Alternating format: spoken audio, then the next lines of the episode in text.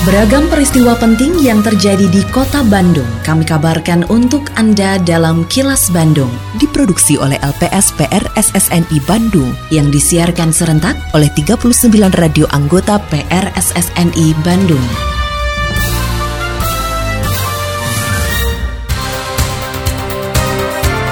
Sejumlah informasi aktual kami hadirkan untuk Anda dan inilah informasi utamanya.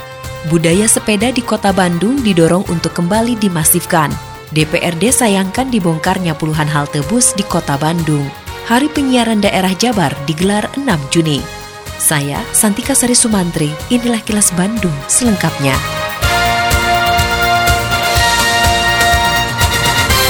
Pemerintah Kota Bandung terus berupaya memasifkan warga untuk mengurangi penggunaan kendaraan bermotor, antara lain dengan menggiatkan kembali budaya bersepeda. Hal tersebut disampaikan pelaksana harian Wali Kota Bandung Emma Sumarna usai melepas fanbike budaya gerakan bersepeda series 4 di Balai Kota Bandung pada akhir pekan lalu. Kegiatan yang diikuti sebanyak 500 pesepeda dari beragam komunitas tersebut diharapkan menjadi sarana sosialisasi kepada masyarakat Kota Bandung untuk membangun gerakan budaya bersepeda yang berkelanjutan. Emma mengatakan dengan kembali semaraknya kegiatan bersepeda dalam aktivitas sehari-hari bisa menjadi salah satu solusi untuk mengurai kemacetan di kota Bandung. Pemerintah Kota Bandung saat ini terus mencoba bagaimana membangun gerakan yang non kendaraan bermotor. Di antaranya hari ini bagaimana supaya gerakan bersepeda ini menjadi budaya yang bisa berkelanjutan. Tidak mudah karena memang berbagai ragam kepentingan dan lain sebagainya tetapi saya yakin dengan ketelatenan, kesabaran dan konsistensi dari para penggemar pelaku bersepeda insya Allah saya punya optimisme kita akan bertemu dalam satu titik waktu bahwa warga masyarakat Kota Bandung nanti familiar dengan kegiatan bersepeda. Dan ini menunjukkan bahwa warga masyarakat Kota Bandung sebenarnya gemar, senang bersepeda. Yang mudah-mudahan hari demi hari dengan kebersamaan kita adalah kita semakin baik.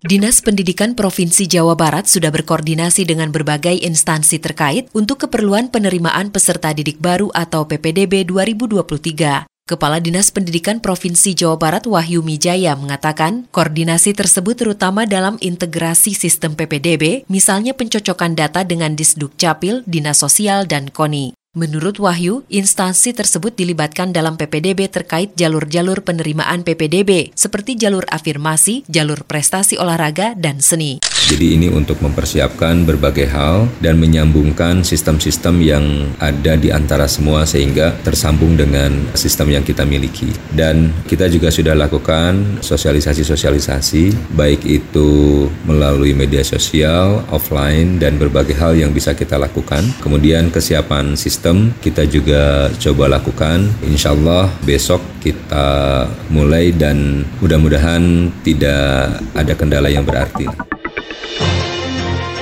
Suara DPRD Kota Bandung.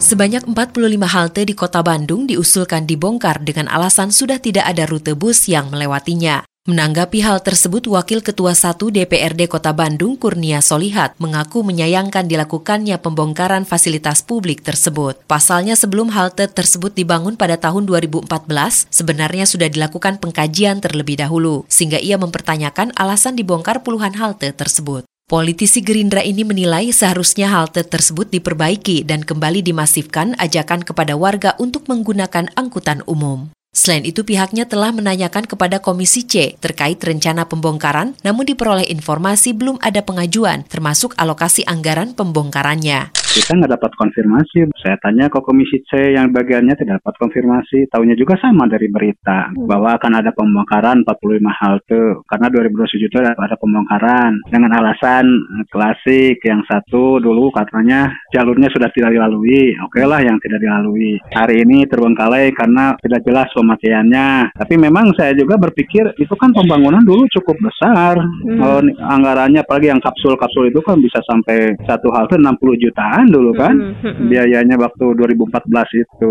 Nah kita belum dapat konfirmasi jadi kita juga tidak tahu mm uh, kebijakannya langsung mengajukan appraisal untuk bongkaran. Terus mm biaya bongkarannya dari mana kan gitu juga kan? Dan ada penganggaran karena setahu saya dalam penganggaran kemarin juga tidak diajukan biaya pembongkaran. Pakai anggaran apa kan gitu. Kini audio podcast siaran Kilas Bandung dan berbagai informasi menarik lainnya bisa Anda akses di laman kilasbandungnews.com.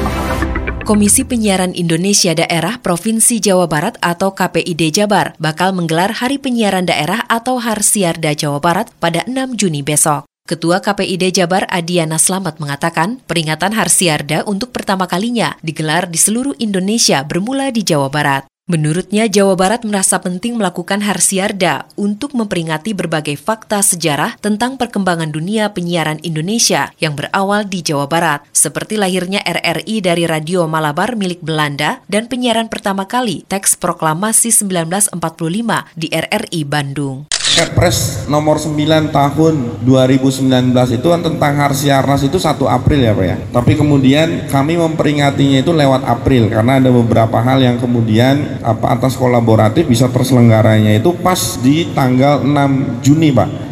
Dan satu lagi gitu ya. Jadi pembacaan teks proklamasi pertama kali di radio di Kota Bandung Pak di RRI gitu ya. Dan ini adalah momentum betul gitu ya bahwa Kota Bandung Jawa Barat sebagai ibu kota Jawa Barat ini gitu ya kita harus bangga gitu ya. Kita harus mengangkat nilai-nilai historis itu belum lagi Radio Malabar Pak gitu ya yang ada di Gunung Malabar sana.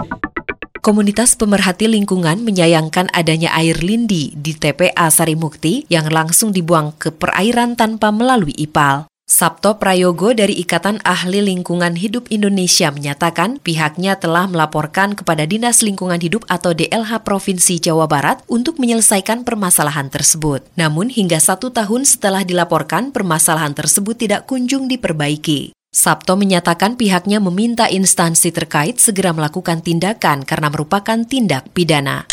Kami setahun yang lalu melihat ada satu bangunan permanen dalam bentuk bus beton merupakan fasilitas untuk membuang lindi dari tumpukan sampah langsung ke perairan umum. Dan kami ingatkan, dan ternyata setahun kemudian tidak berubah sama sekali. Bahkan situasi lapangan makin parah. Setahun yang lalu kami sampaikan ke DLH Pak. Dan bentuknya pun juga dalam satu pertemuan besar kami menyampaikan untuk menjadi perhatian. Dan dari pihak DLH sendiri waktu itu juga berjanji akan uh, menyikapi hal ini semua. Yang menarik, setahun kemudian kami ke lapangan bukannya makin baik, makin parah. Polisi berhasil mengungkap kasus penayangan konten pornografi dan siaran olahraga melalui aplikasi streaming online ilegal. Dalam pengungkapan tersebut, tim siber dari Direktorat Kriminal Khusus Polda Jawa Barat menangkap seorang pria yang bertindak sebagai admin atau pengelola aplikasi streaming online ilegal. Direktur Reserse Kriminal Khusus Polda Jawa Barat, Komisaris Besar Polisi Denny Okvianto mengatakan, penangkapan ini merupakan bentuk komitmen Kepolisian Republik Indonesia dalam melindungi masyarakat dari konten yang berpotensi merusak moral bangsa. Selain itu menjadi upaya melindungi hak cipta dari berbagai tayangan konten resmi yang tersedia di platform video streaming berlisensi. Adapun beberapa channel-channel yang bisa diakses secara langsung dengan menggunakan akun dari pelaku, ini radio kurang lebih sebanyak 11, kemudian TV lokal itu sebanyak 12, kemudian channel internasional ini sebanyak 17, kemudian link streaming olahraga ini sebanyak 115, kemudian juga situs porno sebanyak 240 situs. Halo pengguna jalan yang dermawan. Tidak memberi di jalan bukan berarti kita tidak peduli loh. Pilihan tempat donasi yang tidak tepat akan memiliki konsekuensi serta dampak negatif bagi anak jalanan, pengemis, gelandangan, pengamen, dan sejenisnya Salurkan donasi dan kepedulian kita untuk memotivasi agar mereka tidak berada di jalanan Nasib dan masa depan mereka terdampak dari cara dan pilihan para dermawan dalam memilih tempat, ruang, dan waktu di saat memberikan donasi. Hati-hati di jalan ya. Semoga niat baik kita semua disertai tanggung jawab moral dan memiliki kebermanfaatan. Pesan ini dipersembahkan oleh Dinas Sosial Kota Bandung. Tetap patuhi protokol kesehatan untuk memutus penyebaran virus corona. Meski Organisasi Kesehatan Dunia WHO sudah mencabut status kedaruratan COVID-19. Selalu memakai masker, mencuci tangan, menjaga jarak dan menghindari kerumunan, serta mengurangi mobilitas agar terhindar dari terpapar virus corona. Terima kasih Anda telah menyimak kilas Bandung yang diproduksi oleh LPSPR SSNI Bandung.